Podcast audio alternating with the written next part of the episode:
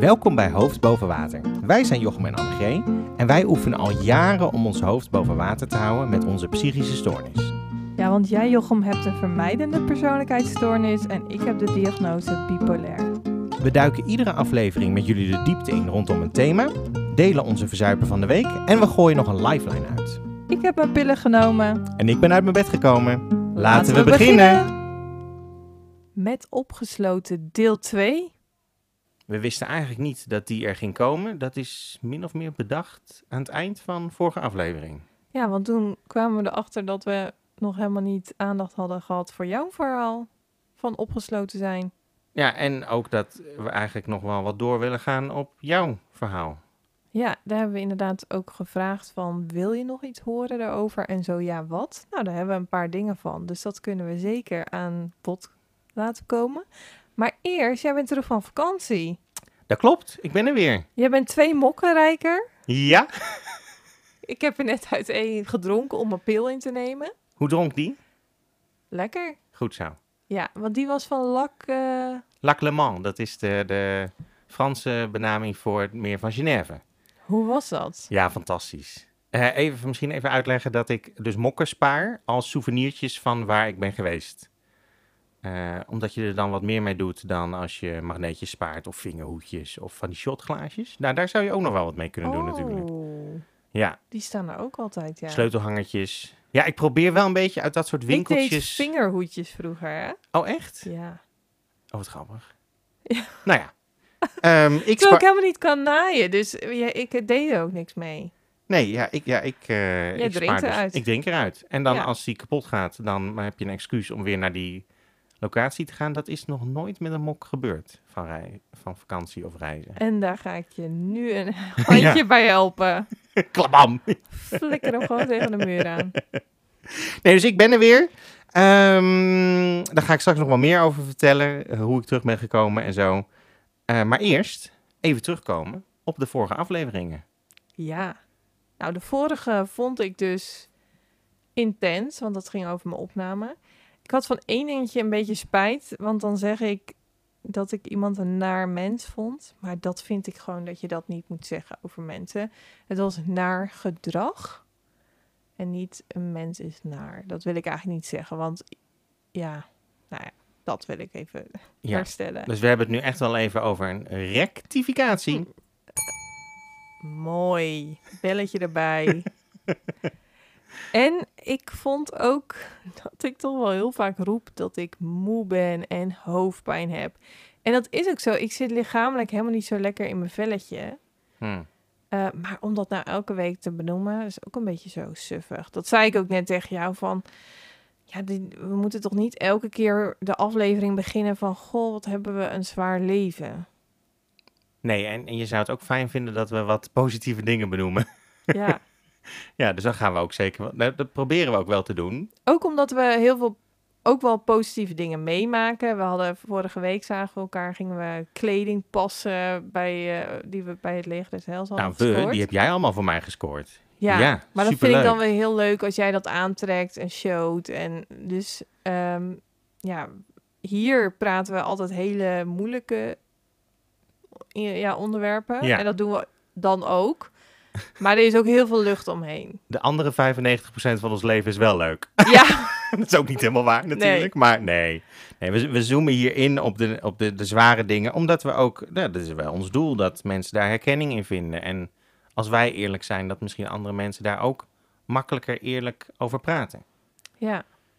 En we ontdekten ook wel een beetje dat ik eh, wat redelijker, eh, ja, hoe moet ik dat zeggen? Stabieler ben, ook door medicatie. Maar als ik het heb dus over opgenomen zijn, dan kan ik honderd verzuipers bedenken. Maar nu moet ik heel erg graven van, nou, wanneer ging ik nou echt kopje onder? Ik moet wel hard werken om hè, eh, hoofd boven water te houden. Maar ik heb niet meer dat help, ik verzuip gevoel. Ja, dat is eigenlijk dus ook heel mooi. Ja, Ja. maar jij zit even eh, anders. Ja, als het gaat om de vraag hoe zit ik er eigenlijk bij, dan eh, durf ik toch eigenlijk wel te zeggen dat ik in donker oranje rood zit deze week. Weken. Ja, Sinds ik eh, net terug ben van vakantie. Want ehm, het was zo fijn op vakantie. Het was en een stuk reizen. Aflevering 5 hebben we het gehad over... ik ga op reis en ik neem mee mijn stoornis. En toen zei een wijs iemand ooit tegen mij... ga je op reis of ga je op vakantie? Nou, wij zijn eh, beide eh, geweest. Dus we hebben, zijn echt op reis geweest. Hebben veel gezien, de bergen in, wandelen, steden bezocht, eh, onderweg zijn. En op een gegeven moment hadden we ook echt een behoefte om even rustig aan te doen. Dus toen hebben we, hebben we echt vakantie genomen. Hebben een week op een staakervin eh gestaan naast het meer van Genève. Ja, dat was fantastisch. En heel erg genoten. Heel weinig vermijding gehad, want dat lukt niet zo goed als je met eh, iemand op vakantie bent. Of überhaupt als je met anderen bent, is dat ingewikkeld. Vermijding lukt het allerbeste als je alleen bent. Ehm, en toen kwam ik thuis en toen ging het de eerste avond nog best wel goed. En de tweede dag heb ik jou gezien. Ehm, en toen die derde dag, toen eh, ik wist dat er ergens een moment ging komen van flinke vermijding. Ja, dus toen ben ik er enorm ingeschoten. Ben ik, eh, was ik behoorlijk opgesloten. Dus eh, Ja. weinig buiten geweest. Ja. Dan eh, stel ik daar straks nog wat meer vragen over. ja, heel goed van jou. Hoe zit jij er eigenlijk bij, Anne G? Ja. Goeie. Nou, eh, ik belde jou eens een keertje op van moeten we het wel door laten gaan vanavond? Was wel, was wel weer eens leuk voor de Ja. afwisseling. Want eh, ik was weer moe en ik had hoofdpijn. ja. Nee, ik eh, had wel, ik was wel heel moe. En ehm, toevallig was ik vandaag ook even bij de bekkenbodemfysio. Nou, misschien herkennen vrouwen dat wel, dat ze daar ook lopen voor klachten. Ik had vreselijke pijn aan mijn stuit, dus daar, die heeft ze Hmm. weer rechtgezet. Oh joh, Ja, dat kan gewoon, oké. in mijn geval. Dus dat voel ik ook nog een beetje. Terwijl jij echt wel een hele chille stoel hebt waar ik op mag zitten. Maar goed, ik eh, voel het wel. Dit dus ik- compliment steek ik mij even in mijn, eh, in mijn zak. Ja, je hebt betere stoelen dan mijn eetkamerstoelen. dat heb je al heel vaak gezegd. Ja, ik, ik, ik loop daar eigenlijk best wel vaak op te zeiken eigenlijk. En dan zeg ik, ja, maar ik heb kinderen die, en dan gaat vier keer een beker limonade over de tafel en een beker melk. Dat wil Ja. je gewoon niet op een stoffen stoel hebben. Nee, maar er zijn echt wel mogelijkheden, dat zeg ik dus ook elke keer. Er zijn echt wel mogelijkheden om leuke stoelen te hebben die je een beetje goed kunt onderhouden. Daarin zijn tips wel van harte welkom natuurlijk. Oh ja. Goedkope, leuke eetkamerstoelen voor een gezin. Ja, of ik, ik eh, ben nu op zoek naar een nieuwe eetkamertafel, want die van mij heb ik vernacheld. Ja, jij vond dat belangrijker dan je stoelen. Waren we het ook over oneens? Maar toen zag ik wel complete tafels met stoelen. Dat ik dacht, oh, maar als ik tweedehands koop, dan is het misschien ietsje minder erg als daar een keer een beker verrissie overheen gaat. Maar we wijden heel lang uit Ja. over mijn eetkamer. Nou, eigenlijk was de vraag, in welke kleur zit je, hoe zit je erbij? ja, vanmiddag? dus ik- ja, wel geel ook. Oké. Vond jij het oranje? Ik weet, nou, ik maakte me vanmiddag een beetje zorgen om jou. Dat ik ook zei, Anne G, als het niet gaat, wees lief voor jezelf. En dan nemen we een andere keer op. Ja, dat is waar. Maar ik had me gewoon voorbereid en ik merkte gewoon dat ik dacht van ja, het is wel een energiegever, let's go for it. Maar, dat moet ik even bijzeggen, we nemen voor het eerst op in het donker. Eh, we kwamen ook achter dat de microfoon een blauw lampje had, waardoor ik een soort van avatar leek net. Ja. Maar ik heb echt last van dat ik nu bijvoorbeeld in het bijna donker naar jou toe moet. En dat ik zo in het donker weer thuis kom. Dat geeft mij zo'n ander gevoel. Ja, Ik heb dan, en ook als de blaadjes nu van de boom vallen, denk ik echt... Nee, blijf hangen alsjeblieft. terwijl ik juist denk, kom, op- denk, kom maar op met de herfst. Warme chocolademelk, chocoladekruidnoten. Ze liggen al in de winkel, mensen. We hebben ook allebei al een zak leeg. Ja, los van elkaar. Ja. Volgende keer doen we het samen. Gezellig. Ja, is altijd gezellig. ook. Samen eten. Ja. Oké, zullen wij rustig doorgaan naar eventuele verzuipers die er misschien nog zijn? Had jij een verzuiper? Ehm, ja, zeker wel. Ehm, ja, mijn verzuiper die eh, was eigenlijk was wel op een mooie locatie. op vakantie in Genève. Ehm, en wat ik steeds meer merk met verzuipers, volgens mij heb ik in de laatste aflevering het gehad over stemmingswisselingen. Nou, daar speel, daar speel ik nog steeds wel mee. Inmiddels heb ik wel meer de indruk dat die ehm, ook echt iets, iets te zeggen hebben, zo'n stemmingswisseling. Dat het ook wel gaat echt om wat er van binnen gebeurt, denk ik nu. Maar ik weet ook heel veel nog niet. Dus ehm, genoeg uit te zoeken nog. Ehm, het was echt een opeenstapeling van... met mijn reisbuddy za- zaten we die dag er niet zo lekker in. Allebei niet. En we liepen in Genève en op een, het was echt een opeenstapeling van... ik voelde me dik en ik eh, zat niet lekker in mijn vel. Gingen op zo'n terras zitten, ja, dan voel ik me altijd extra dik... want dan moet je, eh, als je tussen stoelen moet proppen, zeg maar, in zo'n hoekje... Ehm, dan denk ik altijd, ach, daar kom ik met mijn eh, 120 kilo, eh, dit gaat nooit passen. nou, dat voel ik dan heel erg. Ehm, en we waren in Zwitserland. Alles is daar echt nog wel een stukje duurder da- dan in Nederland. Dus ik voelde me heel arm. En het was op een gegeven moment echt een opeenstapeling naar een moment. Dat was echt die verzuiper. Dat ik dacht, ja, kak, ik moet dus nu overal volwassen emotioneel op reageren. Daar heb ik, helemaal, heb ik heel vaak helemaal geen zin in. Is het geen zin in of het lukt me gewoon niet? Nou, dat, dat is de realiteit, dat het me vaak niet lukt. Maar het kost zoveel energie om dan... Want je bent samen met iemand, dus je wilt ook leuk houden voor die ander. Ehm, en maar dan, dat vraagt dat je volwassen emotioneel op de situaties reageert die op je Ja. afkomen. Nou, dat, daar was ik op een gegeven moment zo klaar mee. En, en nou ja, dat, dat, dat frustreerde me zo enorm. Ja. Van, ik, ik heb nu gewoon zin om keihard eh, op mensen te gaan zitten schelden. Ja, dat was, dat was gewoon niet de bedoeling, zeg maar. Ehm, eh, ja, en, en dan, eh, en dan over, overviel het me gewoon heel erg. Ja. Ja, dus ook echt wel gedachte van, ik geloof echt dat het beter is om, om nu goed te reageren. Maar ik wil het gewoon nu niet. Oh. Ja.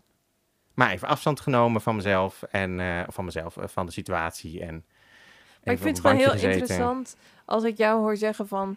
daar heb ik gewoon geen zin in. Dat klinkt dus heel passief. Terwijl het volgens mij inderdaad... je benoemt het ook even als frustratie... dat het gewoon eigenlijk heel irritant is. Het lukt me niet. Of ik kan het nu niet opbrengen. Of dat klinkt voor mij anders dan... nou, daar heb ik geen zin in hoor.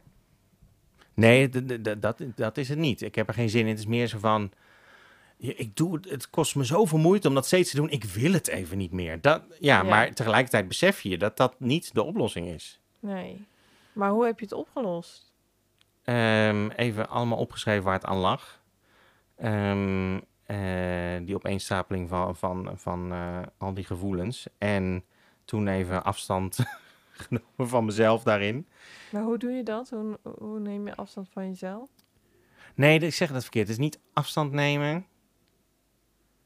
Ehm, even rust nemen. Dus, dus niet door die stad eh, hollen en doorgaan. En eh, niet dat dat het heel... Ik kom er niet zo uit wat ik nu wil zeggen. Maakt niet uit. maar meer dat het... ehm, ja, dat, het erkennen sowieso. Van dit is er dus nu. Oké, ga maar even hier onder, dat, onder die boom zitten. Op dat riggeltje. En ga het maar even voelen. En ja. En Duw niet die mevrouw van het bankje af waar ik heel veel zin in had om te doen. Ja, daar heb ik dan echt zin in. Ja, echt Ja, ik denk, stom dik mens, ga eens weg. Ja, dat denk ik echt. Oh, Ja. ja. ja, zin om te slaan en zo, dat soort neigingen. Dat heb jij wel eerder gezegd, ja. Maar die, dat vind ik veel- helemaal niet bij jou passen. Nee, ik, ik ben, lijkt natuurlijk een hele lieve, zachtaardige teddybeer, maar nou ja. Maar heb je het ook wel eens echt gedaan, geslagen? Nee, ik sla nee. nooit. Nee, ik sla echt nooit. Nee, dus het is vooral in je hoofd dat Ja. je dat wil. Ja. En jij kan dus ook over een ander denken, stom dik mens. Zei je dat nou? Nee, ik denk- nee, ja, ja, nou ja, ik denk, kan wel lelijke dingen over mensen denken hoor. Ik zei namelijk net van, we moeten echt wel letten op wat we zeggen in de podcast. En, Ja, eh, dat doen we ook heel goed. eh, ga je geen spijt krijgen van dingen, maar dit is eh, zo'n gevalletje van, eh, dat kan gewoon. Nou, ik, ik denk dat ook best wel mensen dat herkennen. En ook, ook als christen, dat je beseft van, oh, wat denk ik, die mensen zijn net zo goed door God gemaakt als dat hij mij gemaakt heeft. Hij vindt die mensen wel mooi, ook al... Want het gaat helemaal ook niet om die anderen, hè. Je bent gewoon, ge- ik ben gewoon gefrustreerd over mezelf en baal van de situatie of van dingen of van wat iemand anders heeft gezegd. Dus het gaat om frustratie in mezelf en die projecteer je eigenlijk op een mevrouwtje die precies op een eh, stukje zat waar ik had willen zitten. Ja. Dus ja, dat gaat helemaal niet zozeer om haar. ja, ik waardeer wel echt super je eerlijkheid en je inkijkje in jouw hoofd. Ja, En ehm, dank je. ja, dus eh dank je wel voor het delen. Ja, we gaan eh, verder delen over eh, opgesloten zijn. Nou Ja, ja, dat heb jij wel weer even gezeten, dus het is heel recent. ja. Ehm, maar neem ons eens mee, hoe gaat zoiets? Ja, ehm, mijn opgesloten zijn doe ik natuurlijk zelf. Jij hebt een opname gehad eh, en daarom vonden we het ook wel leuk om die link te leggen, terwijl er eigenlijk ook niet heel erg een link is. Ehm, ja, ehm, wat ik merk is als het me allemaal te veel wordt en te groot in, in de wereld en, en in, in wat er gebeurt in, mijn, in mezelf dus. ehm, dat, dan zit er een bepaalde veiligheid in ehm, die deur op slot doen, hier binnen blijven in mijn huis en eh, een dag niet buiten komen. En Ja. In eh, je veilige kokon, zoals Ja. je het net ook noemde. ja, mijn kokonnetje. Ehm, en eigenlijk gaat het om dat ik dan de confrontatie met mezelf niet aan hoef te gaan. Daar heb ik volgens mij al eerder wel wat over gedeeld. Vermijding werkt voor mij heel erg. Ehm, eh, dus niet voelen, niet in contact met, met mezelf. Die gedachten zoveel mogelijk uitschakelen. En dan dus, ja, dan vind je jezelf terug eh, dat je een dag niet buiten komt. En meerdere dagen zelfs. En soms zelfs meerdere dagen, ja. ja. Maar voel jij van tevoren al aan van, oh, ik ga mezelf, ik ga die deur op slot draaien. eh, Ehm, iets beter dan vroeger. En tegelijkertijd overvalt het me soms ook echt nog wel. Het komt ook nooit uit.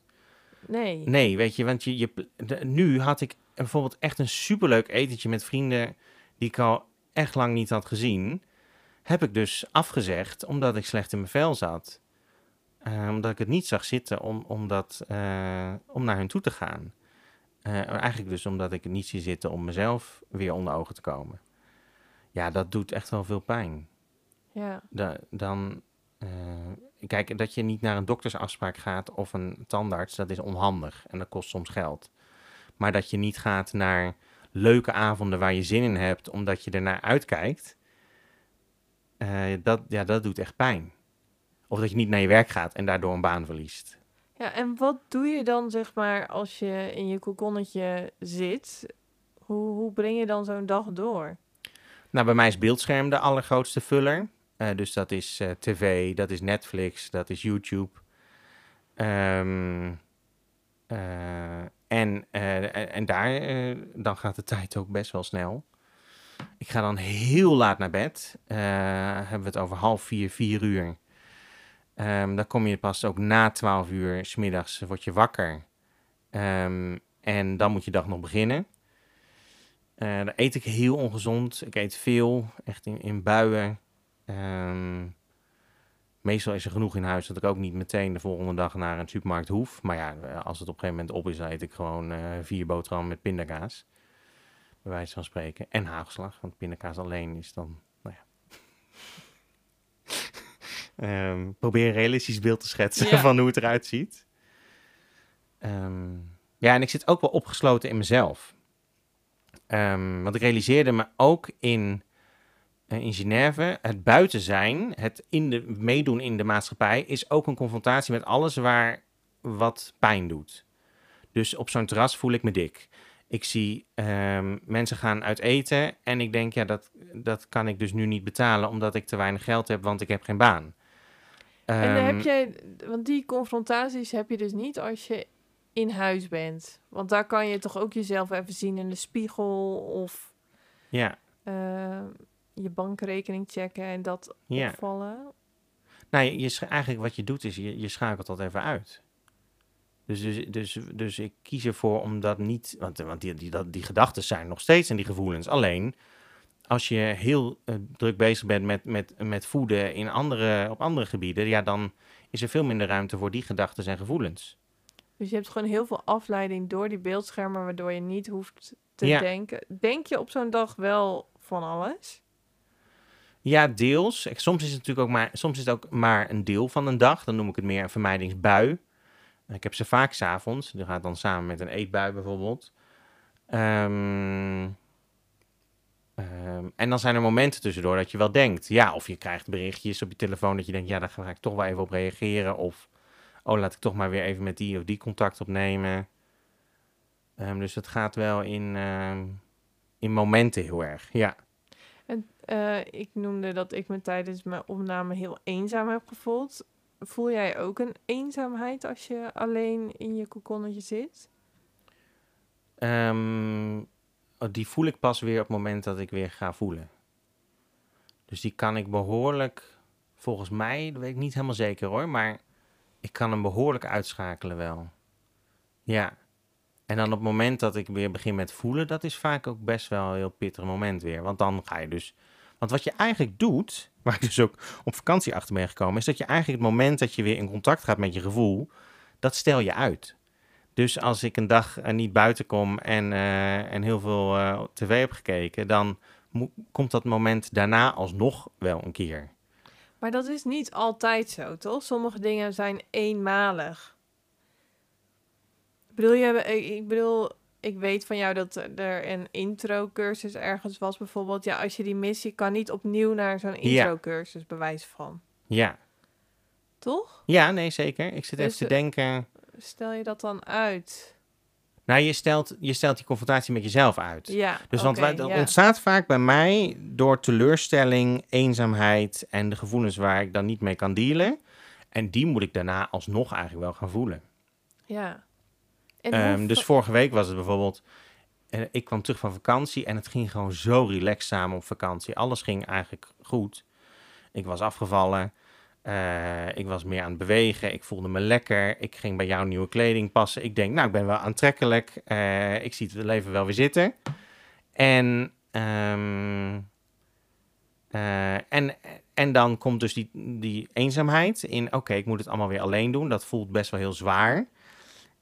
Dat en- is ook wel, voor mijn gevoel is dat ook wel zwaar. Ja, Toch? ja, zeker. Ik bedoel, dat wil ik niet, dat, dat is er ook gewoon. Ja. Ja, ja. Ja, dat is echt makkelijk als je samen bent. Ja. Dan, eh, doe je, dan doe je het allemaal samen. Ja. Ja. Ja. ja. het valt me ook altijd op hoe makkelijk ik mijn bed uitkom als ik... Nou, is niet altijd waar, maar als ik, als ik bij anderen ben, gaat dat echt een stuk makkelijker. Ja. Ja. Ik, ik zeg ook altijd, ik moet echt in een community gaan wonen. Ja. Of een partner, dat kan ook nog. Ja, dat zou ook leuk zijn. Ja. Zou ook leuk zijn. Ehm, nee, dus, dus, dus dat is echt wel een, een, een uitdaging daarin. Om, eh, om dus, wa- want, want ik merk dat, ehm, dat er vrijheid is op het moment dat ik in contact blijf wel met dat gevoel. Dan voel ik me veel vrijer en ehm, voelt het vaak ingewikkelder eerst om die gevoelens allemaal te voelen. Maar op de lange termijn heb je daar veel meer aan. Ja. Dus zit je echt opgesloten in, je, in jezelf. Ja. En hoe kom je er dan weer uit? Ja, dat is, de, dat is dan dus de uitdaging. Ehm, bij mij, dat begint met weer in contact komen met mijn gevoel. Dus van de week was dat, ehm, eh, dat doe ik wel vaak door even iemand te bellen. Dus eh, ik had mijn moeder gebeld en, eh, en een goede vriend. Ehm, eh, en dan van daaruit begin ik weer, begin ik weer te voelen. Ehm, en dat doe ik bijvoorbeeld ook wel eens door eh, hele, eh, eerder gezegd, de, de, de sentimental playlist aan te zetten. En dan soms worship ook. En dan ga ik weer voelen. En dan wat opschrijven in mijn dagboek. En dan proberen weer afspraken na te komen. Ja, zo eigenlijk. Blijf het heel boeiend vinden. Wat, ja, omdat ik het zelf niet ken.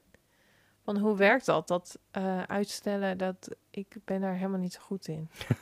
dat komen we ook achter in onze samenwerking. Ja, ik ben gewoon een rammetje gaan. Ja, De, bij ons zei een psychiater ook van... je hebt een beetje passieve depressie. Dus dan lig je heel erg in je bed. eh, Ben je inderdaad denk ik ook heel erg aan het vermijden.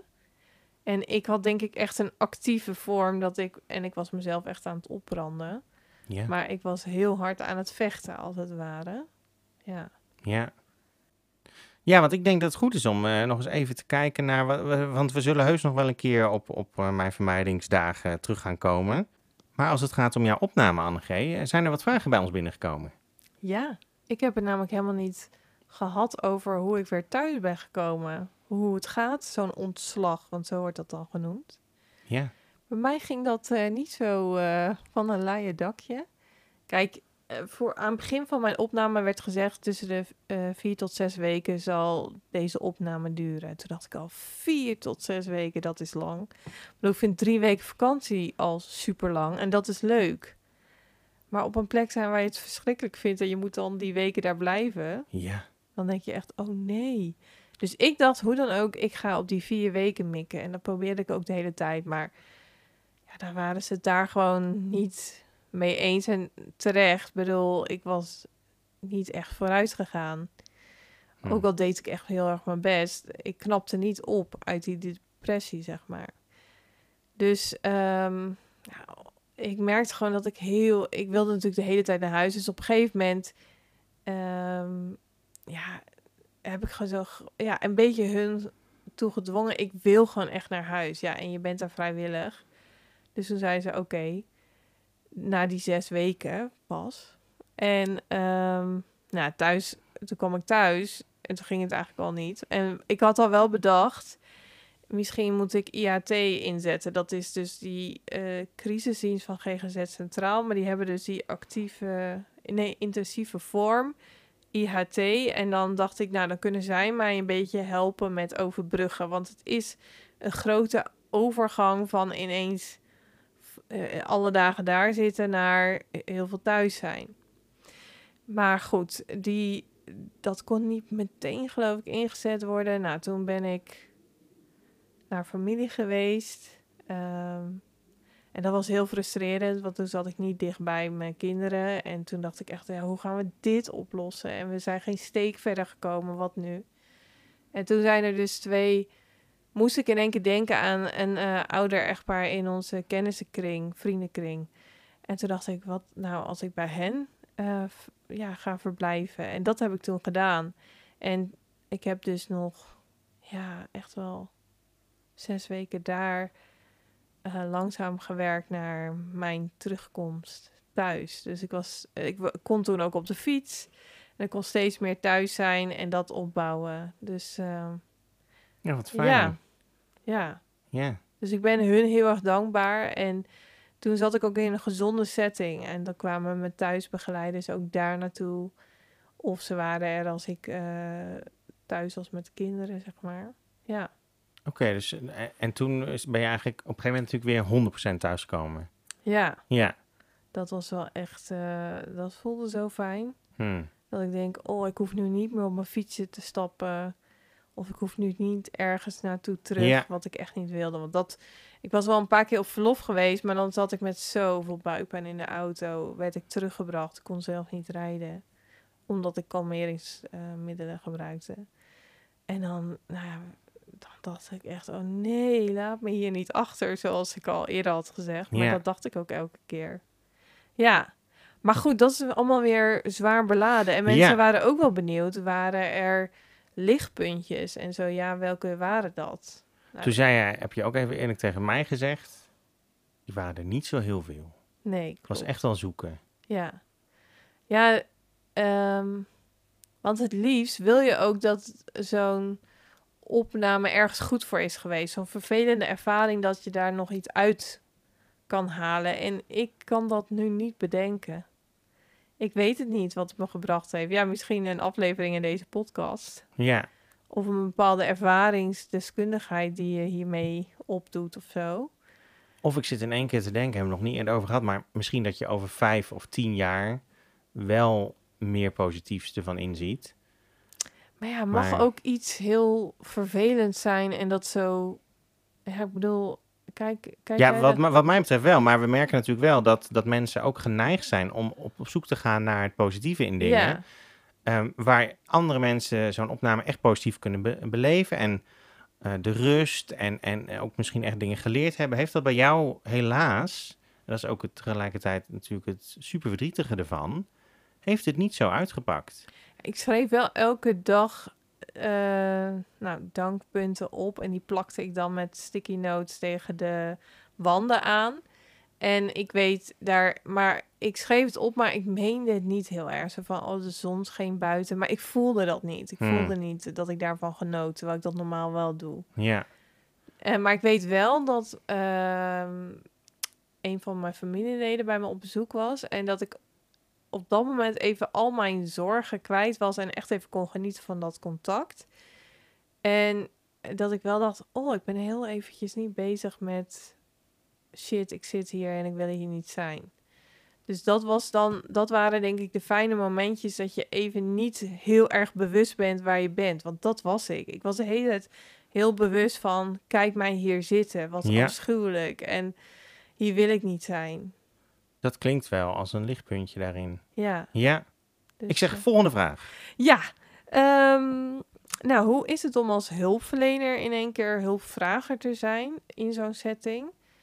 Nou ja, als je zelf hulpverlener bent, dan weet je echt wel eh, technieken of hoe je mensen moet benaderen, wat belangrijk is. Je weet zelfs hoe je moet rapporteren over dingen, wat je overdraagt, wat wel belangrijk is en niet.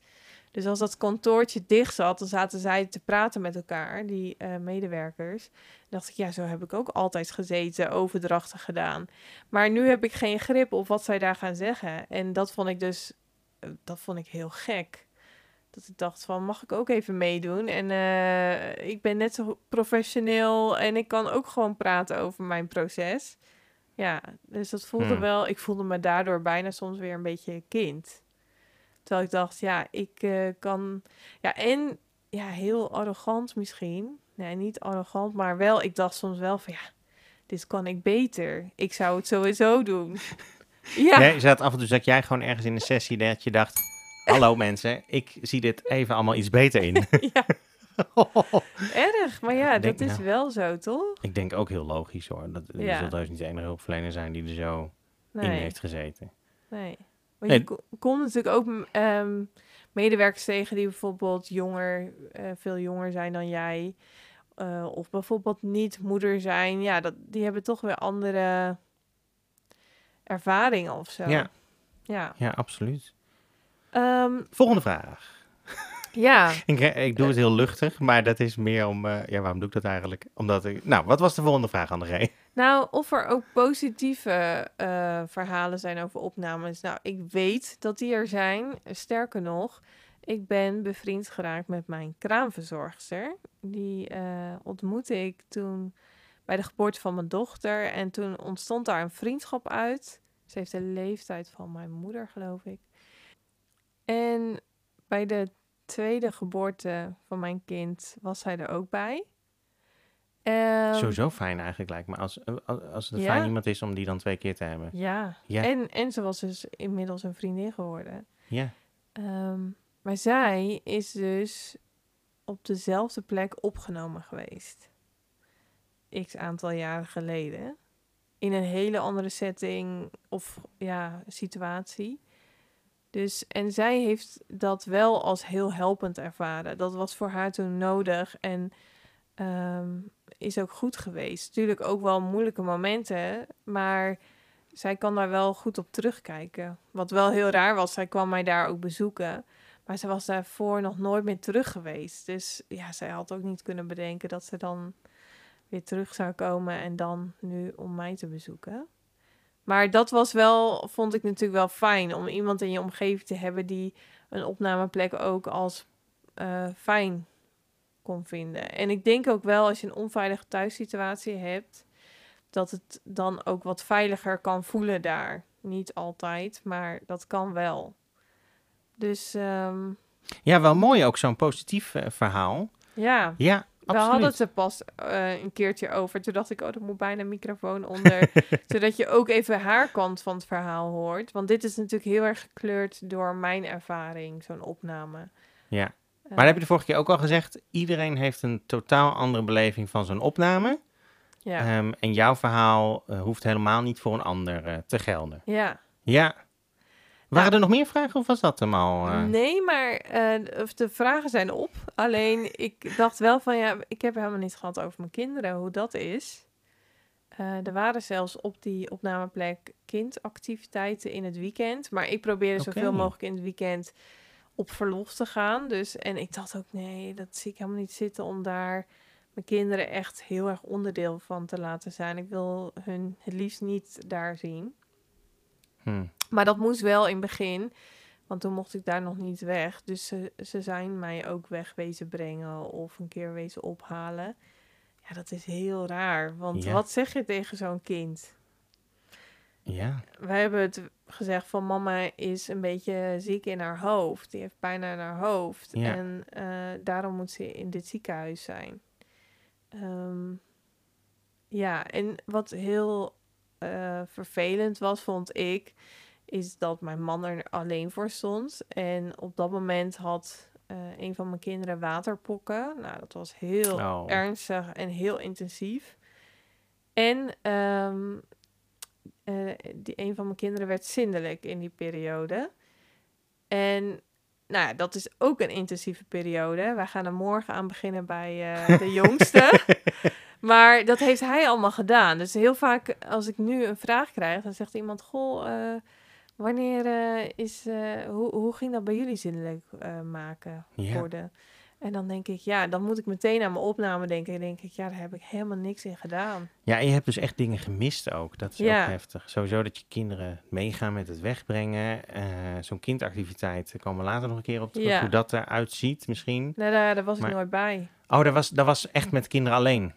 Nee, eh, maar ik ben gewoon nooit naar zo'n actief. Dat is ook één keer in de maand of zo. En Oké, nou ja, hier Ja. zitten zes weken. Dus ja. Nee, dat had ik bewust niet eh, aan deelgenomen. Oké, ja. Dus ehm, Het is En- wat, hè, zo'n opnameverhaal. Het is echt, eh, het gaat je niet in de koude kleren zitten. nee, Eh, vooral ook niet als je het zelf hebt meegemaakt natuurlijk. ja. Ehm, als het gaat om opgesloten, heb jij nog een lifeline daarin of iets te delen met ons? Nou, ik las afgelopen weekend een, eh, de psychologie. En daar stond een quote in. De Psychologie Magazine bedoel je? Ja. ja. Oh, moet jij even bellen? Voor de Psychologie Magazine is de magazine tip van de week. Nou, daar stond een quote. Ehm, ik heb hem ook op Insta gedeeld. Maar eh, die zegt: Schaamte verliest aan kracht als je erover praat. En ik heb me heel erg geschaamd in die periode van opgesloten zijn. En als ik jouw verhaal zo hoor, vind jij het ook lastig. Eh, en komt daar misschien ook wel schaamte over. Maar eh, het verliest gewoon zijn kracht als je gewoon eer, ja, daarover openlijk kan praten eigenlijk. Ja, Dus dat is mijn lifeline en dat zijn we nu ook aan het doen. zo waar ook. Psychologie Magazine had het bij het, goede, bij het juiste eind, denk Ja. ik. Ja. Ja, mijn lifeline is een nummer eh, van Eline, die nog best wel nieuw is. Wat ik veel heb geluisterd de afgelopen weken. Het nummer heet Levenswoorden van Eline. En eh, zoek het op op Spotify of op... eh, Nu doe ik het een ja, keer. mooi, mooi. Vier keer ook. Dat is een mooi aantal. Ehm, het nummer heet Levenswoorden en in de brug schrijft zij... ehm, als ik val, val ik in genade. Als ik struikel, struikel ik naar huis. En vooral dat eerste stukje, als ik val, val ik in genade. Dat doet ze ook mooi met die uithaalde in op een gegeven moment. En eh, ja, daar heb ik heel veel hard op gezongen tegen mezelf de afgelopen weken. Ja, hij staat hier ook eh, bij je keuken aan. Hij hangt, eh, hij staat op mijn tekstbordje. Ja, dat is mijn motto nu. Ja, Mooi. ja. En, en da- dat is echt wel de les, hè. Dus mildheid, leren oefenen met jezelf. Ik had daar ook een mooi gesprek over van de week met iemand. Ehm, ja, genade oefenen met jezelf. Dus eh daar wil ik eigenlijk ook iedereen eh, aanmoedigen om dat eh, te doen. Ja. En ehm, dat brengt ons dan eigenlijk alweer een beetje richting het einde Ja. van deze aflevering. Ik was niet zo op dreef als normaal. Ik voel me echt een beetje moe. Maar dat heeft misschien dus helemaal te maken met... Het is donker. Ik, dat gevoel. Ja, ja. Dus, eh, nou, ik vind eh, alsnog dat het staat er gewoon weer op. Het en eh, we gaan eh, jullie de volgende keer weer meenemen in een ander verhaal. Waarover, dat is nog even in vragen. Tien vragen. Daar gaan wij nog even We hebben over genoeg hebben. onderwerpen, maar we moeten even kiezen. We moeten even kiezen. Ja, we zijn er nog niet uit. Dus, tot de volgende keer. En sluiten Ja. we voor nu af met... Houd je hoofd boven water.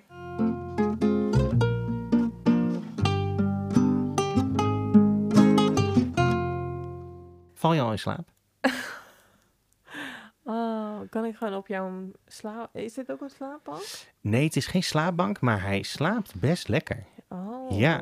Dus eh, ik zeg ook, eh, ik, ik heb er ook eens op geslapen. Ja, een middagdutje hoor. Een middagdutje. Ja, Ja. Ik ga dus, denk ik, zo als ik in de auto stap, wat ik eigenlijk al heel stom Ben jij wel met de auto gekomen, toch? Ja, Ja. maar ik was al een paar keer nat geregend vandaag. Maar ik, ik vond het moeilijk, want op het moment dat ik vertrok, was het droog. Maar ik had op buienalarm gezien dat het de hele tijd zou gaan regenen. Ja. Toen dacht ik, ja, maar dat moet ik mezelf echt niet aandoen. Hoe vaak was je nat geregend vandaag? Ja, een stuk of vier keer. Vier keer. Nou, Ja. daar houden we het bij. Dag.